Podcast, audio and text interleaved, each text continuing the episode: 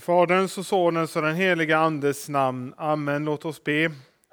Rena, och Gud, våra hjärtan och våra samveten så att din son, när han kommer till oss, i våra hjärtan finner en beredd boning. Genom honom, Jesus Kristus, din son, vår Herre. Amen. Genom att han, Jesus Kristus, gav sitt liv för oss har vi lärt känna kärleken.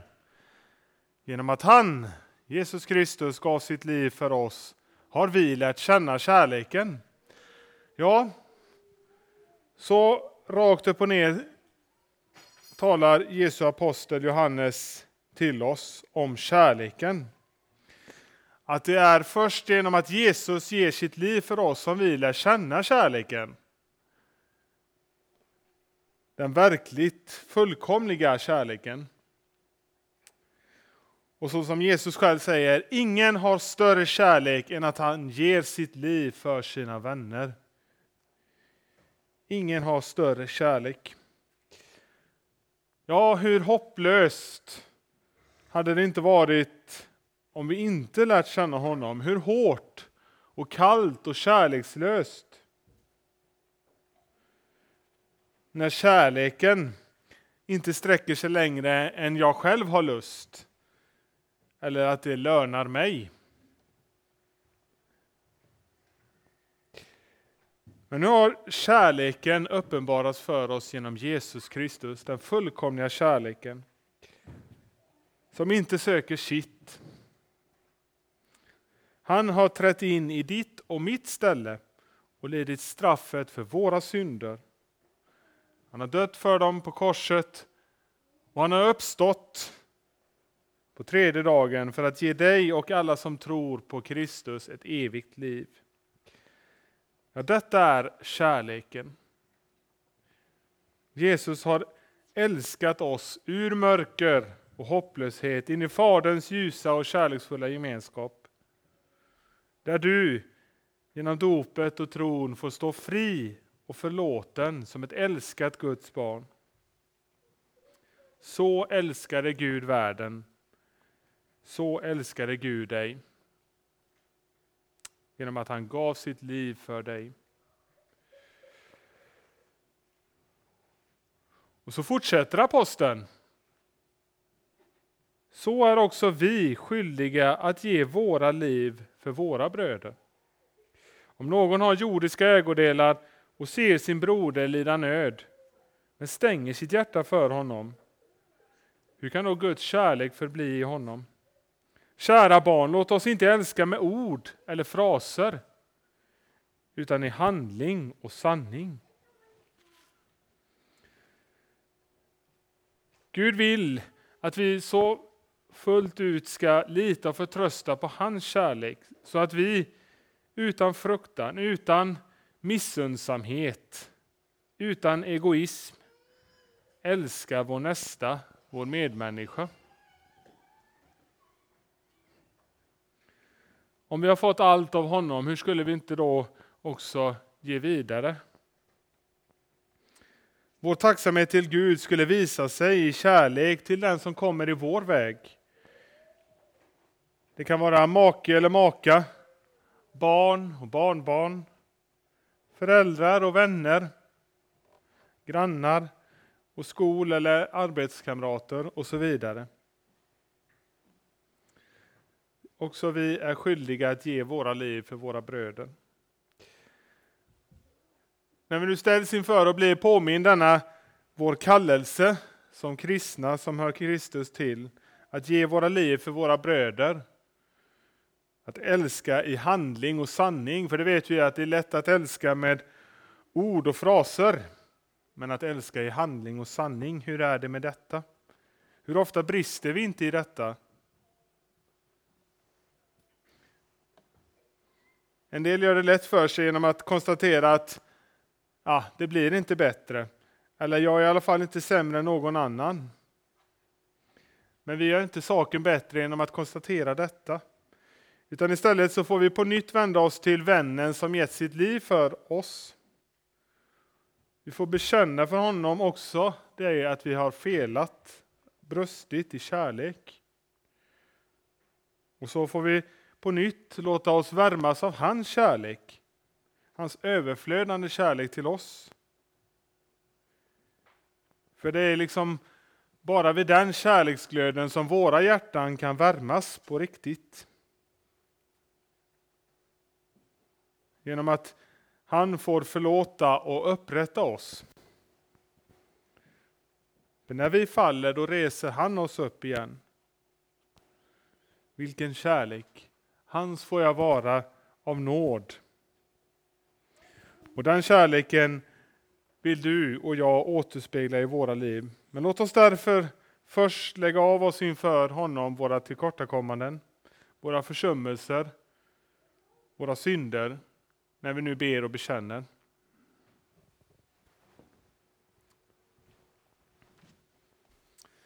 Jag bekänner inför dig, helige Gud, att jag ofta och på många sätt har syndat med tankar, ord och gärningar. Tänk på mig i barmhärtighet och förlåt mig för Jesu Kristi skull vad jag har brutit. Herre, hör nu varje hjärtas tysta bekännelse.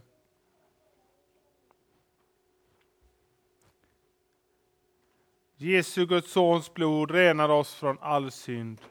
Detta litar jag på och vill ta emot förlåtelsen för Jesu Kristi skull.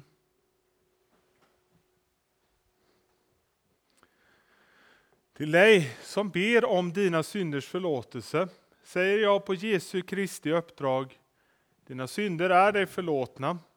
I Faderns och Sonens och den heliga Andes namn. Amen. Käre Fader i himmelen, vi tackar dig för syndernas förlåtelse genom Jesus Kristus, vår Herre. Amen. Helige Herre Gud, helige starke Gud, helige barmhärtige frälsare, du evige Gud, förbarma dig över oss.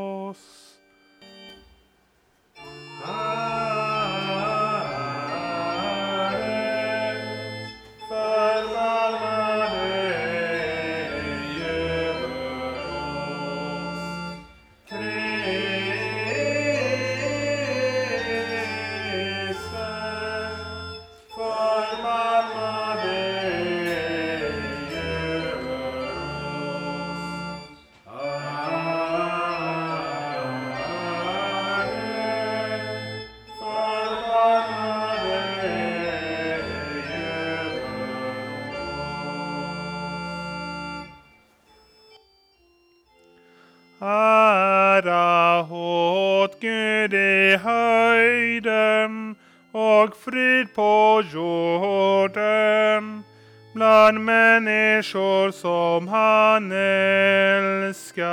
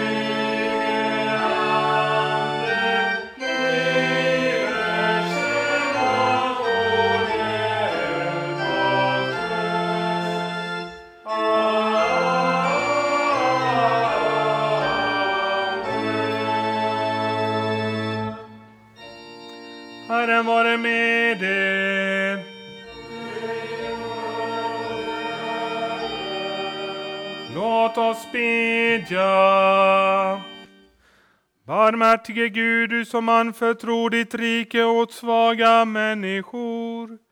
Ge oss nåd att vilja det du vill och älska dig överallt, så att vi, har tro, så att vi troget förvaltar de gåvor du gett oss genom din son Jesus Kristus vår Herre. Amen. Vi ska lyssna till Herrens ord idag på den nionde söndagen efter trefaldighet. Temat förvaltare. Och vi lyssnar först till den gammaltestamentliga texten ur profeten Jesajas bok.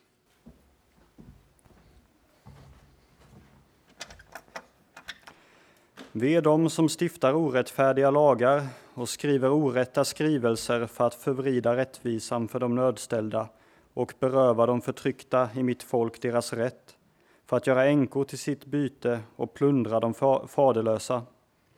Vad ska ni göra på räkenskapsdagen när förödelsen kommer fjärran ifrån? Till vem ska ni fly för att få hjälp och var ska ni göra av era rikedomar? lyssnar vi också till dagens epistel i första Johannesbrevet. Bröder, var inte förvånade om världen hatar er. Vi vet att vi har gått över från döden till livet eftersom vi älskar bröderna. Den som inte älskar är kvar i döden.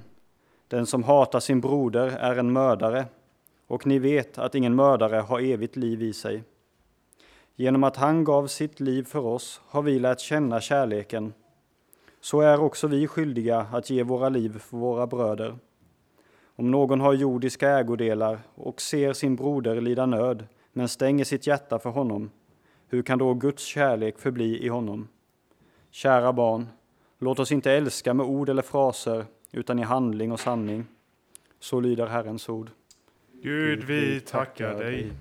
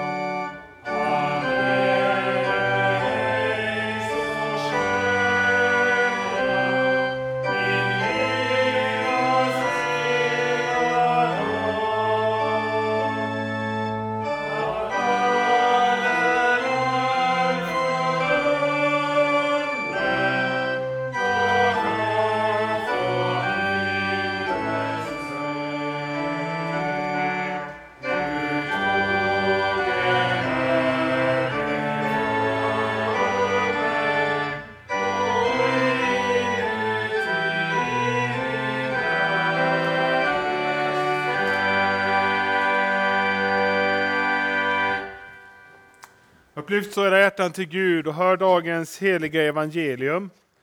Så skriver evangelisten Lukas.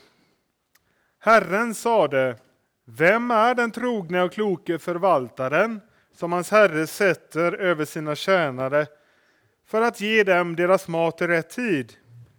Salig är den tjänare när hans herre kommer och finner att han gör så. Jag säger er sanningen, han ska sätta honom över allt han äger. Men om den tjänaren skulle säga i sitt hjärta, min herre dröjer med att komma, och han börjar slå tjänarna och tjänarinnorna och äta och dricka och berusa sig, då ska den tjänarens herre komma en dag när han inte väntar det och en stund när han inte anar det, och han ska hugga honom i stycken och ge honom hans plats bland de trolösa. Den tjänare som vet sin herres vilja, men inget förbereder och inte handlar efter hans vilja, han ska få många rapp. Men den som inte vet och som gör något som förtjänar rapp, han ska få färre. Av den som fått mycket ska det krävas mycket, och av den som blivit betrodd med mycket ska det begäras desto mer. Så lyder det heliga evangeliet. Lovad vare du, Kristus.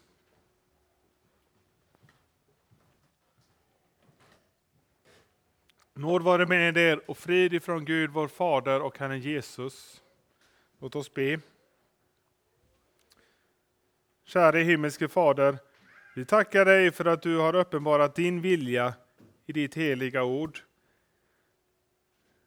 Ge oss genom din heliga Ande öppna hjärtan att ta emot vad du vill tala till oss denna stund.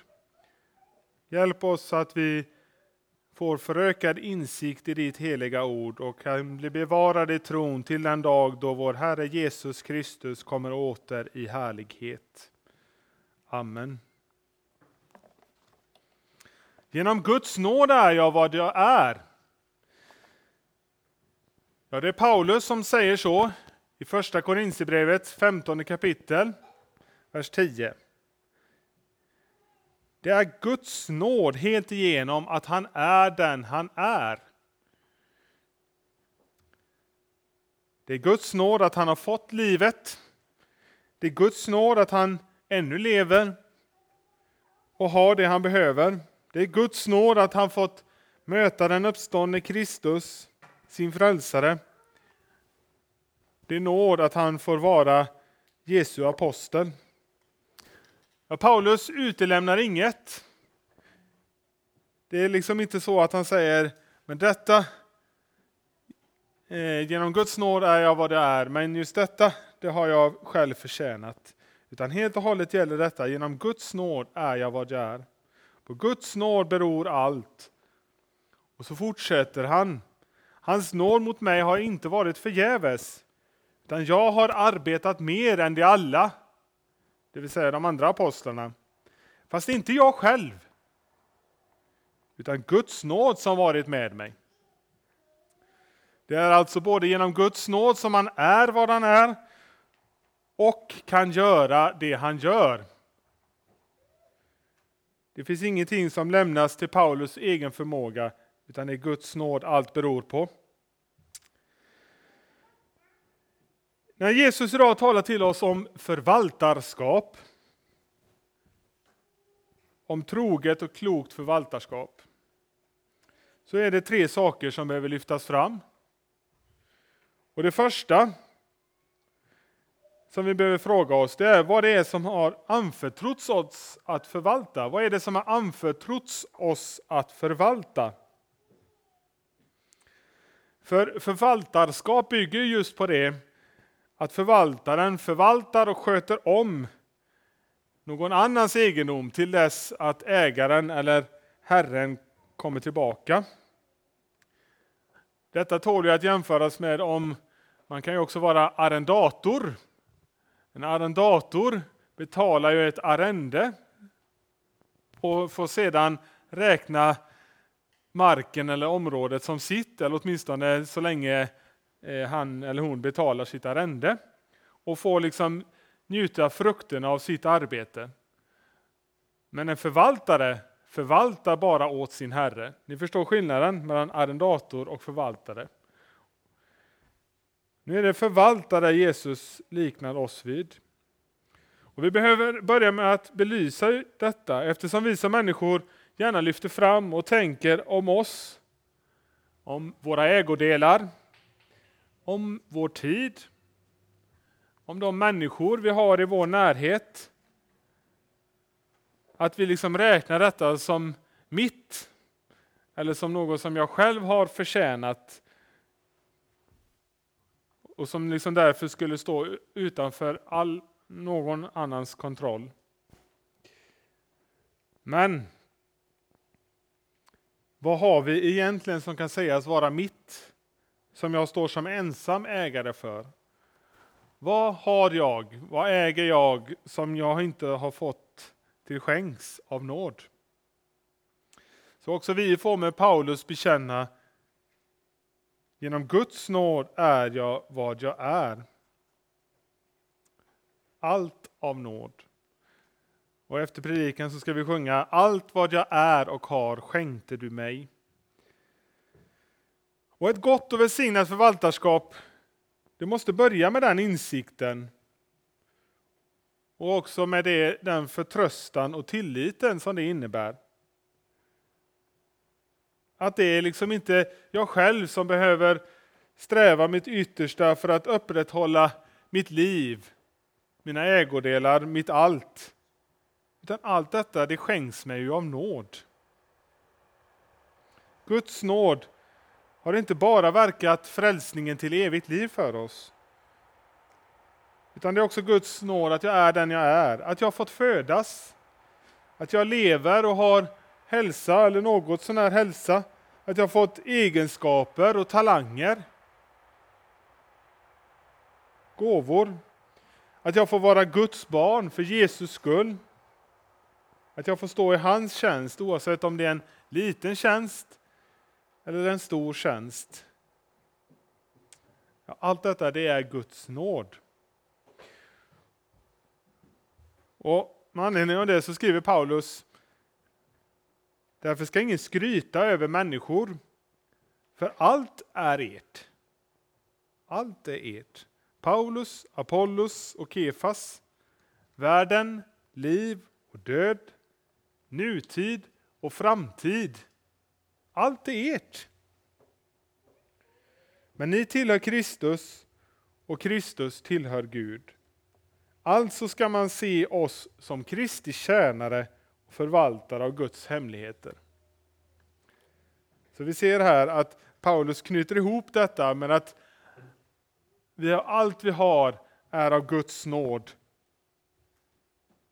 Och därför ska vi också se oss själva som förvaltare av Guds hemligheter.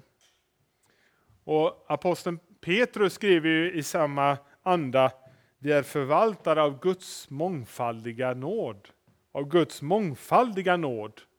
Det är inte bara så att Guds nåd visar sig på ett sätt, utan Guds nåd överflödar på många andra sätt. Och vår gamla människa som vi bär med oss, den behöver hela tiden Eh, den, vår gamla människa vill hela tiden hävda sig själv och sin egen förträfflighet. Men den behöver därför dödas med detta nya livets budskap som Kristus kommer till oss med, att allt är av nåd.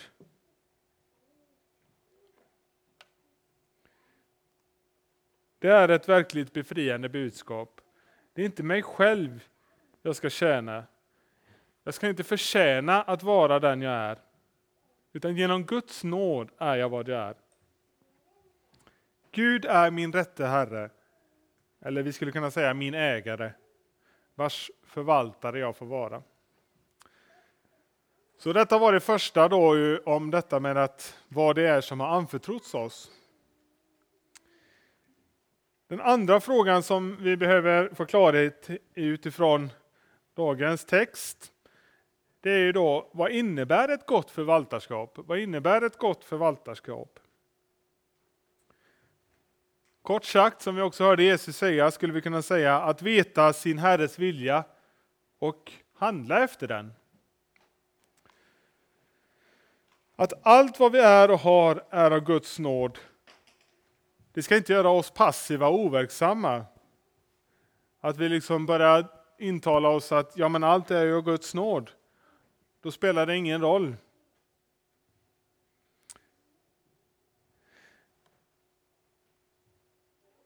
Att vi är syndare i allt beroende av Guds nåd. Det kan lätt få oss att intala oss att jag kan ingenting. Jag duger ingenting till. Men det är inte Guds sätt att se på oss. Att vi är syndare, det är sant och riktigt. Att vi är beroende av Guds nåd, det är sant och riktigt. Men tvärtom så visar Jesus oss i liknelsen med männen med de olika antalet talenterna att vi alla fått gåvor och egenskaper. Vi som har lärt känna Guds nåd får med glädje inse att jag i min tjänst, i min kallelse, i det som jag sysslar med när jag tjänar i den troget och hederligt, både vet min Herres vilja och handlar efter den. Även om det här på jorden allt som ofta sker bristfälligt, så är det vad Herren kallar mig till och jag får vara frimodig i det.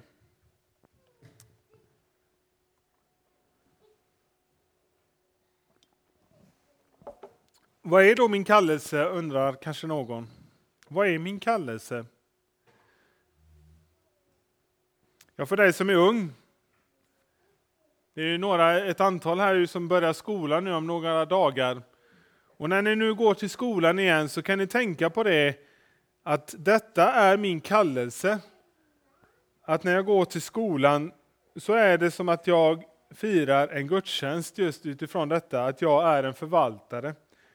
Gud kallar mig till att utveckla mig och efter bästa förmåga sköta min skolgång och lyssna till mina föräldrar och andra lärare och andra överordnade. Det är din kallelse i ungdomen. Med tiden så kan man uppleva att det blir svårare och svårare att veta sin kallelse. Inte minst inför det här att bli vuxen. Vad ska jag gå på gymnasiet? Vad ska jag välja för yrke? Men också i detta avseende tänker Gud på dig och vet ditt bästa. Vi får i livets alla lägen, också när vi tvekar över vad som är vår kallelse eller när vi kommer i situationer i livet där vi känner att det blir ett brott med något som har varit tidigare och vi behöver tänka på vad som ska ske i framtiden. I alla dessa lägen så får vi som goda förvaltare fråga vår Herre i bön och söka hans ledning i ordet. För han själv öppnar och stänger dörrar. Kanske har du gåvor som klart och tydligt visar vägen för dig, att det är detta som är min kallelse. Kanske stänger han en dörr genom att du missar att komma in på en utbildning eller att ohälsa av något slag omöjliggör en insats på ett visst område. Skulle då det betyda att du inget duger till? Nej, men Gud har en annan plan eller en annan tanke för dig och ditt liv. Gud låter allt samverka till det bästa.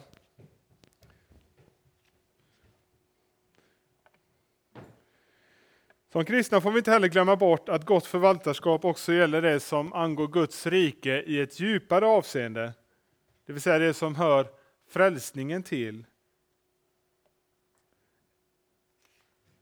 Även detta rikets hemligheter, om predikandet av syndernas förlåtelse i Jesu namn och blod, har Gud anförtrott åt människor.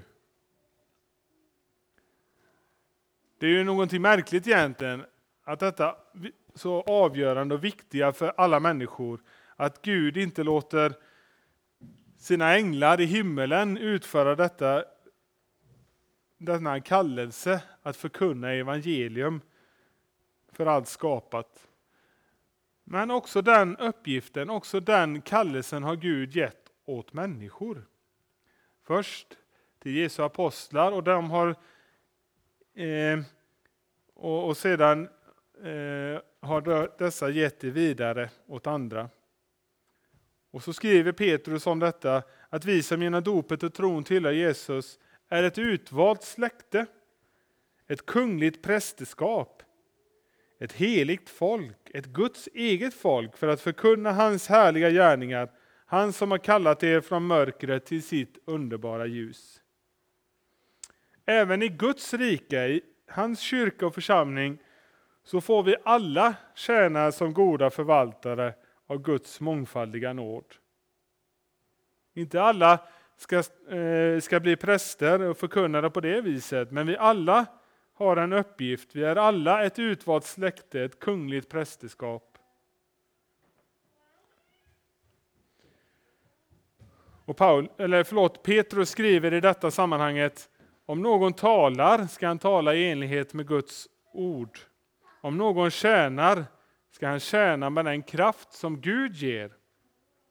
Så att Gud i allt blir ärad genom Jesus Kristus. Alltså detta skriver eh, Petrus efter att han har skrivit detta att vi förvaltar av Guds mångfaldiga nåd. Och då talar han om detta att, att tala och tjäna. Att allt detta ska syfta till att Gud i allt blir ärad genom Jesus Kristus. Och hur blir Gud ärad genom Jesus Kristus? Jo, genom att människor får lära känna Jesus som sin och hela världens frälsare. Så därför så behöver vi också fråga oss var och en, vad är min kallelse, min tjänst i församlingen? Min tid, min kraft, min förmåga, mina resurser. Allt detta det är ju oss givet. Och det är därför ytterst sett eh, som det ytterst sett tillhör Gud. Och det är genom honom som vi ska tjäna med dessa våra eh, gåvor, våra talenter. Så till sist också något om vad ett gott förvaltarskap innebär inför de sista tiderna här på jorden innan Jesu återkomst. För dagens evangelium som vi lyssnade till, det kommer i ett sammanhang där Jesus har samtalat med sina lärjungar och undervisar dem om den yttersta tiden och sin egen återkomst. Och här så varnar ju Jesus för två diken. Det ena som Jesus varnar för det är att börja tänka egoistiskt på tillvaron. Jesus dröjer. Jag behöver inte bekymra mig för det som gäller evigheten än, vare sig det gäller mig själv eller min medmänniska. Jag äter och dricker. Jag roffar åt mig av livets goda utan en tanke på min medmänniskas bästa. För det var ju som vi hörde där att de, han börjar slå tjänarna och tjänarinnorna. Det vill säga tjänaren, förvaltaren, besinnar inte att både sig själv och medmänniskorna behöver förberedas för evigheten.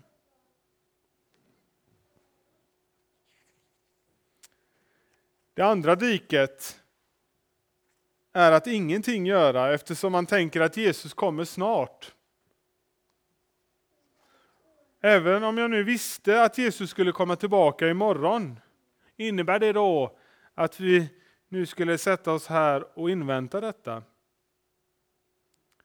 Nej, även om vi visste att Jesus skulle komma imorgon så är det ändå vår kallelse att verka i den uppgift vi står i, både vad gäller detta livet här på jorden och också vår kallelse i kyrkan och i församlingen inför evigheten.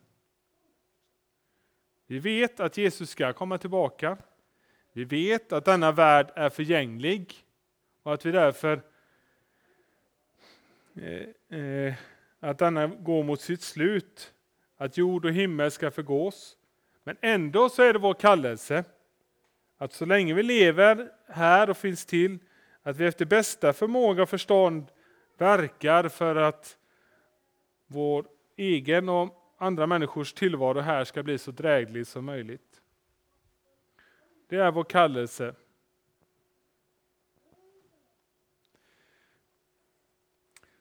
Genom Guds nåd är jag vad jag är. Ja, det har vi talat om idag. Det är, och det är också genom Guds nåd som är med i det att jag verkar.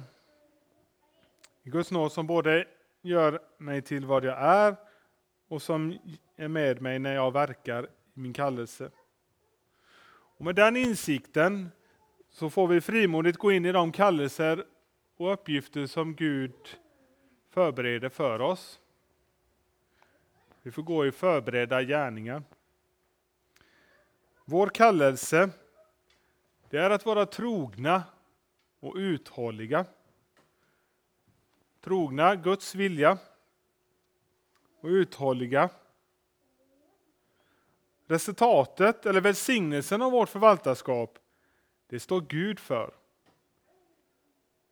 Det är viktigt att påminna sig också om det. Det är ju på hans nåd allt hänger. Även om han kan tyckas vara frånvarande i det att han har lämnat till oss människor att vara förvaltare, så gäller löftet han gav sina första lärjungar också idag. Jag är med er alla dagar till tidens slut. Han är med oss genom sitt ord och sina sakrament, där han tröstar och vägleder oss i vårt förvaltarskap. Och I bönen så får vi lyfta fram alla våra bekymmer, våra önskningar, våra svårigheter. Och han vill höra oss och hjälpa oss i det som möter oss. För i gemenskapen med honom, när vi lever helt beroende av hans nåd,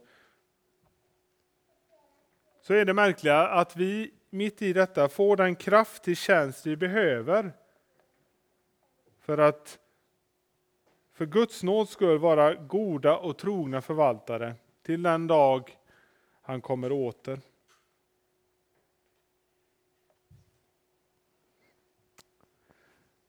Amen. Vi ber. Herre vår Gud, himmelske Fader, du som gett oss förtroendet att vara dina medarbetare och bära ansvar för ditt rike i världen. Vi ber dig, ge oss mod att vänta stora ting av dig och att våga stora ting för dig, så att vi inte av feghet eller svaghet sviker den kallelse som du av nåd vill använda oss i. Styrk oss att frimodigt och med heligt allvar kämpa trons strider och så till sist få prisa dig som ger oss segern. Genom din son Jesus Kristus, vår Herre. Amen. Låt oss så gemensamt bekänna vår heliga kristna tro. Vi tror på Gud Fader allsmäktig, himmelens och jordens skapare. Vi tror och på Jesus Kristus, hans enfödde Son, vår Herre, vilken är avlad av den helige Ande, född av jungfrun Maria, pinad under Pontius Pilatus, korsfäst, död och begraven, nederstigen till dödsriket, på tredje dagen uppstånden igen ifrån de döda, uppstigen till himmelen, sittande på allsmäktig Gud Faders högra sida, därifrån igenkommande till att döma levande och döda. Vi tror också på den helige Ande, en helig allmännelig kyrka, det heliga samfund, syndernas förlåtelse, det dödas uppståndelse och ett evigt liv.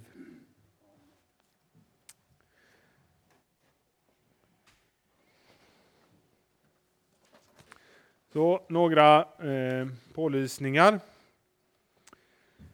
Eh, idag så ber vi att få ta upp en kollekt till vår församling här, Helga Trefaldighets församling, och den tas upp med hovgång här under salmen efter predikan. alternativt via Swish. Eh, jag ber er att lyssna noga. Det har blivit några förändringar i programmet här framöver. Så nästa söndag, den tionde söndagen efter trefaldighet, eh, då är det högmässa klockan 15.00 med Joakim Brandt Erlandsson. Alltså klockan 15.00 nästa söndag. Eh, och då utgår också kyrkkaffet som var annonserat då.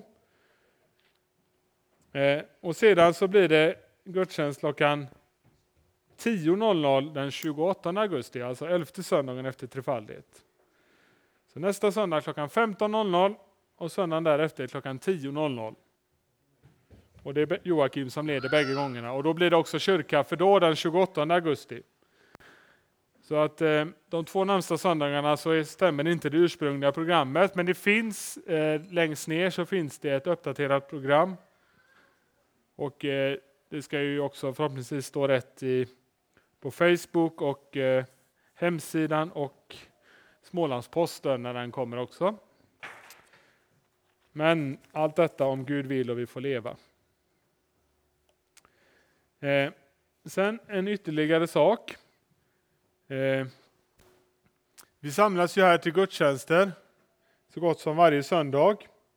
Och det är en stor nåd och glädje. Eh, nu har vi tänkt lite så här att eh, det står ju om de första kristna att varje dag fortsatte de att eh, undervisa i templet och i hemmen och förkunna evangelium att Jesus är Messias. Det talas alltså om att de samlades varje dag. Eh, och vi som kristna, vi behöver styrkas och uppmuntra varandra. Nu är det kanske av praktiska skäl inte möjligt att träffa varje dag, men vi har tänkt att vi skulle göra också onsdagen till en församlingens dag.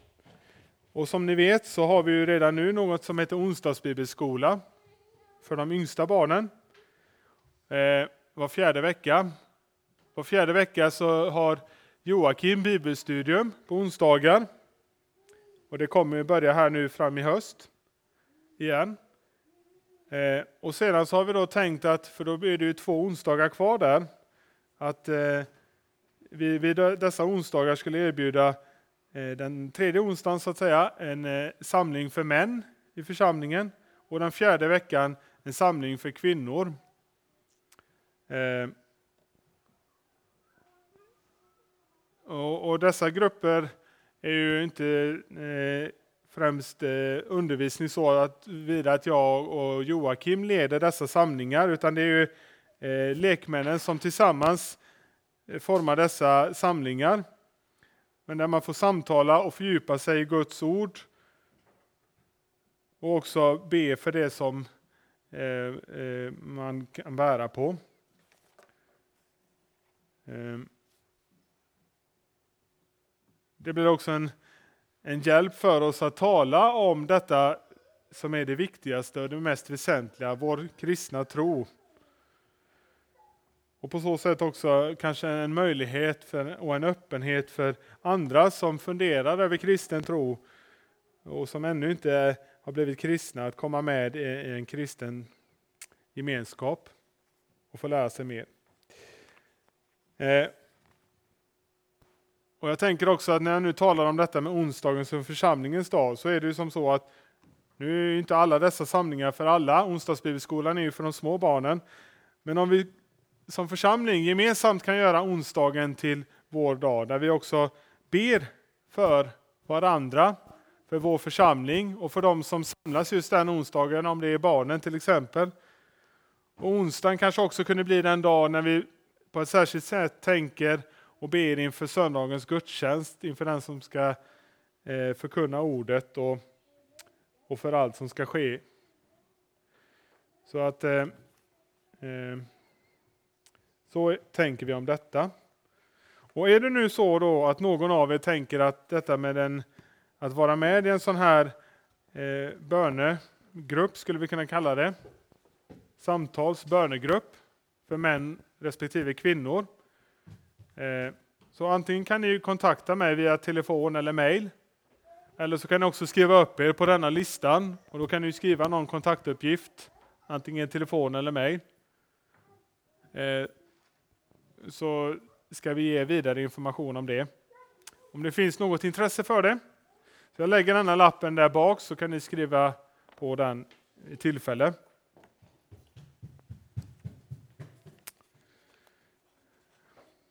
Och är det någon som undrar någonting mer över det så kan ni också alltid komma och fråga mig eller kanske Joakim också, men främst mig. Så. Till sist. Vår Herre Jesu Kristi nåd, Guds kärlek och den heliga Andes gemenskap vare med er alla. Amen.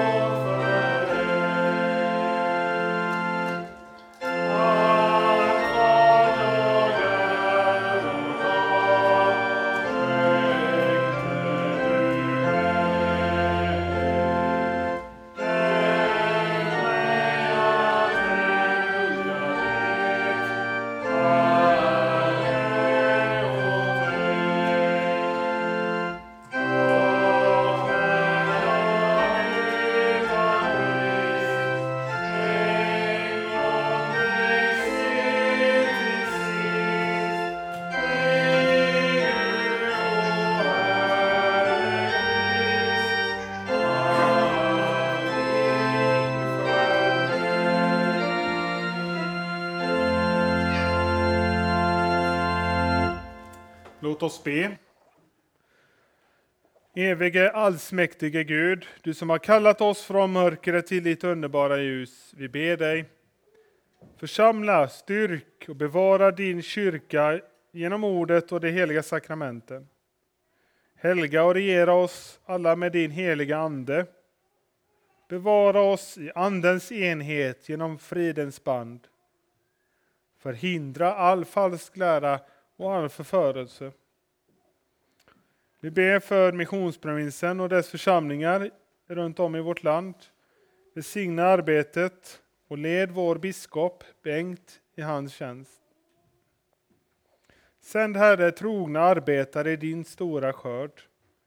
Ge dem frimodighet att förkunna ditt ord i ande och sanning.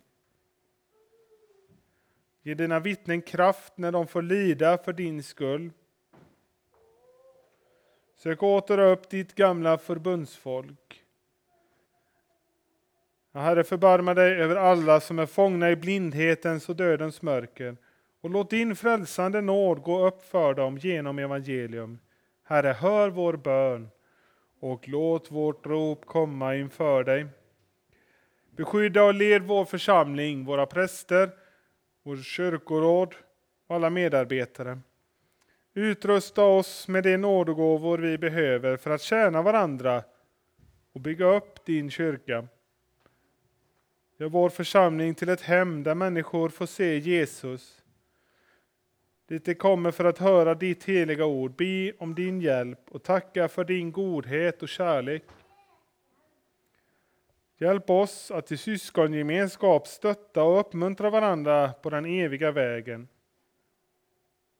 Öppna, Herre, vägar att nå ut med ditt evangelium.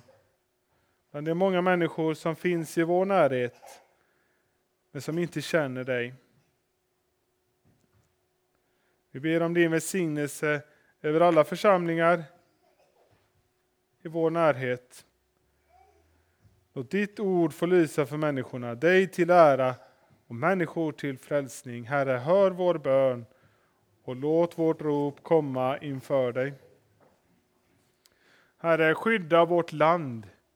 Ge Guds fruktan och vishet åt dem som har fått förtroende och ansvar i vårt samhälle. Herre, vi ber också för det förestående valet att du skulle hålla din skyddande hand över det och att det skulle få bli till din, enligt din vilja. Vi ber för vår kung och hans familj, för regering och riksdag, för Region Kronoberg och dess kommuner, för våra skolor. Ge världen fred, håll tillbaka laglöshet och våld. Förbarma dig över alla som lider av fattigdom och svält och som drabbas av olycka. Ge oss dagligt bröd och stärk vår vilja att dela med oss åt dem som lider nöd. Herre, hör vår bön och låt vårt rop komma inför dig. Låt våra hem präglas av trygghet, gästfrihet och kristen tro. Bevara äktenskapen i trohet och kärlek. Skydda och bevara också alla ofödda barn, särskilt dem vars liv står i fara. Ge oss nåd att fostra de unga så att de får växa till i din sanning och fruktan. Hjälp oss var och en i de uppgifter du har satt oss.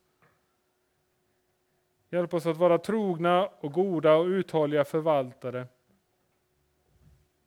Herre, hör vår bön och låt vårt rop komma inför dig. Kom, Herre, till alla sjuka, nedstämda och sörjande, gamla, ensamma och döende. Särskilt ber vi för dem som vi nu tyst nämner inför dig.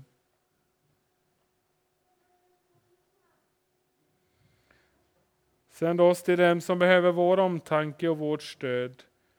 Sök alla dem som är i fara att komma bort ifrån dig. Omvänd de vilsegångna. Gör oss alltid beredda att svara var och en som ber oss förklara det hopp vi äger. Herre, hör vår bön och låt vårt rop komma inför dig. Följ oss hela livet med din nåd, gör oss fasta i tron. Skänk oss efter detta förgängliga liv en evig salighet i kraft av Lammets blod. Med underbara gärningar bönhör du oss i rättfärdighet, du vår frälsnings Gud. Därför ber vi om allt detta genom Jesus Kristus, din son, vår Herre. Amen.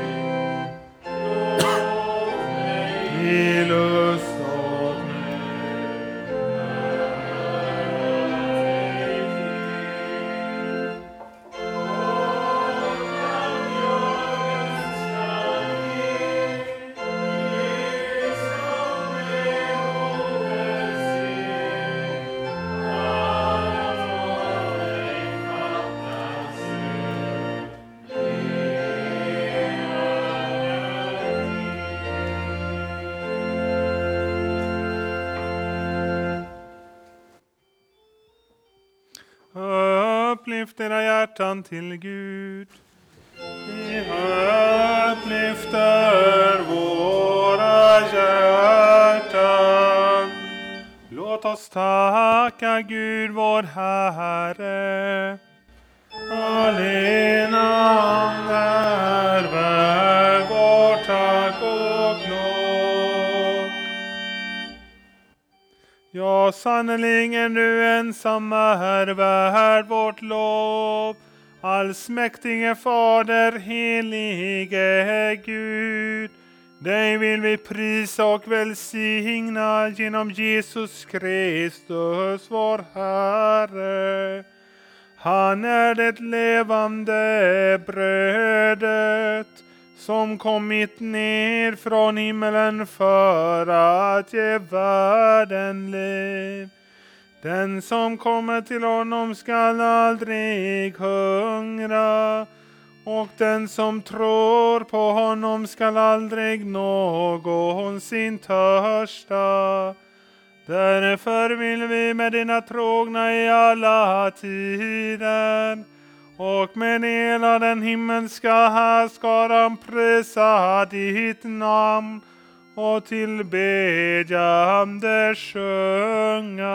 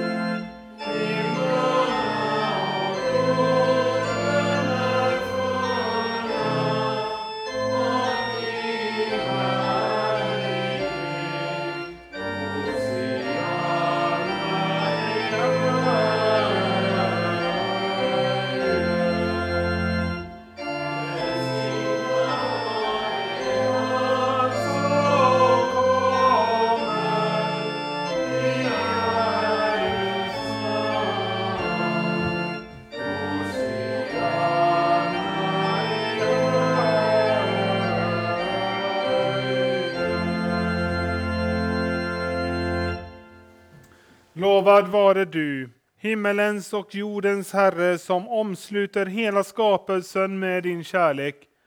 Vi tackar dig för den frälsning som du skänkt oss genom Jesus Kristus. Bered oss genom din heliga Ande att ta emot honom när han kommer till oss i sin heliga nattvard. Den natt då han blev förrådd tog han ett bröd, tackade, bröt det och gav åt lärjungarna och sade tag och ät. Detta är min kropp som blir utgiven för er. Gör detta till min åminnelse.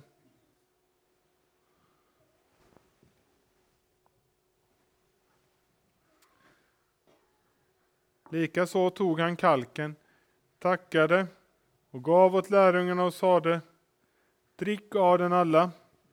Denna kalk är det nya förbundet genom mitt blod som blir utgjutet för många till syndernas förlåtelse.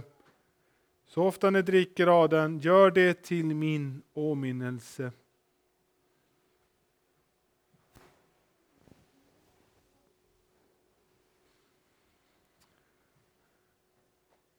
Din död förkunnar vi, Herre. Din uppståndelse bekänner vi till dess du kommer åter i härlighet. Himmelske Fader, tack för att du skänker oss i denna måltid de välsignade frukterna av din Sons lidande och död, uppståndelse och himmelsfärd. Ge oss liv av hans liv, så att han förblir i oss och vi i honom. I den heliga Ande och med dina trogna i alla tider ber vi så som din son själv har lärt oss. Fader vår som är i himmelen. Helgat var det ditt namn. Tillkomme ditt rike. Ske din vilja så som i himmelen så och på jorden. Vårt dagliga bröd giv oss idag och förlåt oss våra skulder så som och vi förlåta dem oss skyldiga äro. Och inled oss inte i frestelse, utan fräls oss ifrån ondo. Ty riket är ditt och makten och härligheten i evighet. Amen. Brödet som vi bryter är en delaktighet av Kristi kropp så är vi, fastän många, en enda kropp, ty alla får vi del av ett och samma bröd. Herrens frid vare med er. Och Guds namn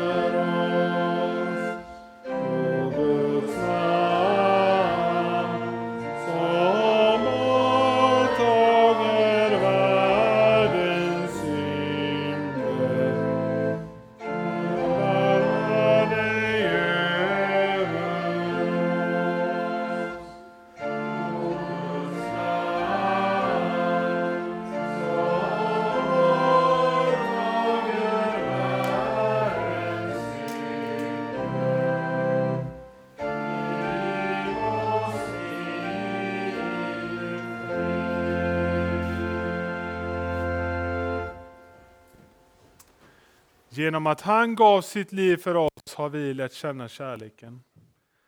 Saliga är de som är bjudna till Lammets bröllopsmåltid. Kom, nu är allt tillrätt.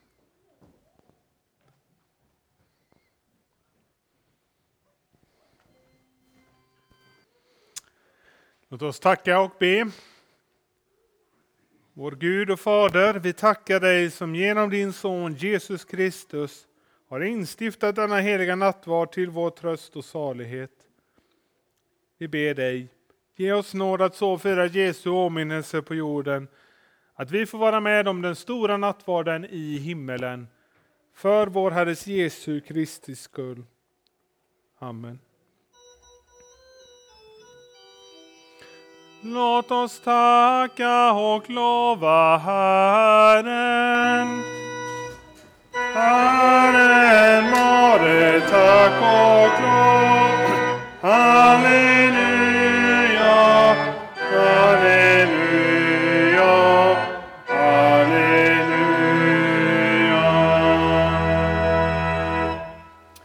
Tag emot Herrens välsignelse. Herren välsigne er och bevare er. Herren låte sitt ansikte lysa över er och vare er nådig.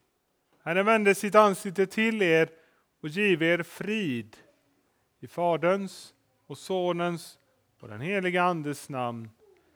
Amen, amen, amen.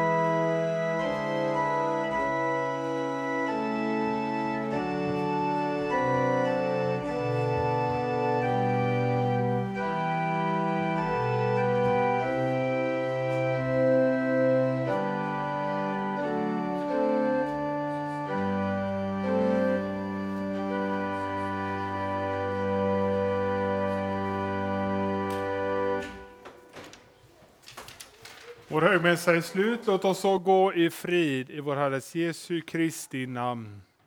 Amen. Och jag påminner då om denna listan om man är intresserad av mans eller kvinnogrupp. Och också man kan skriva på sig för en fikalista där bak när det ska vara kyrka för framöver.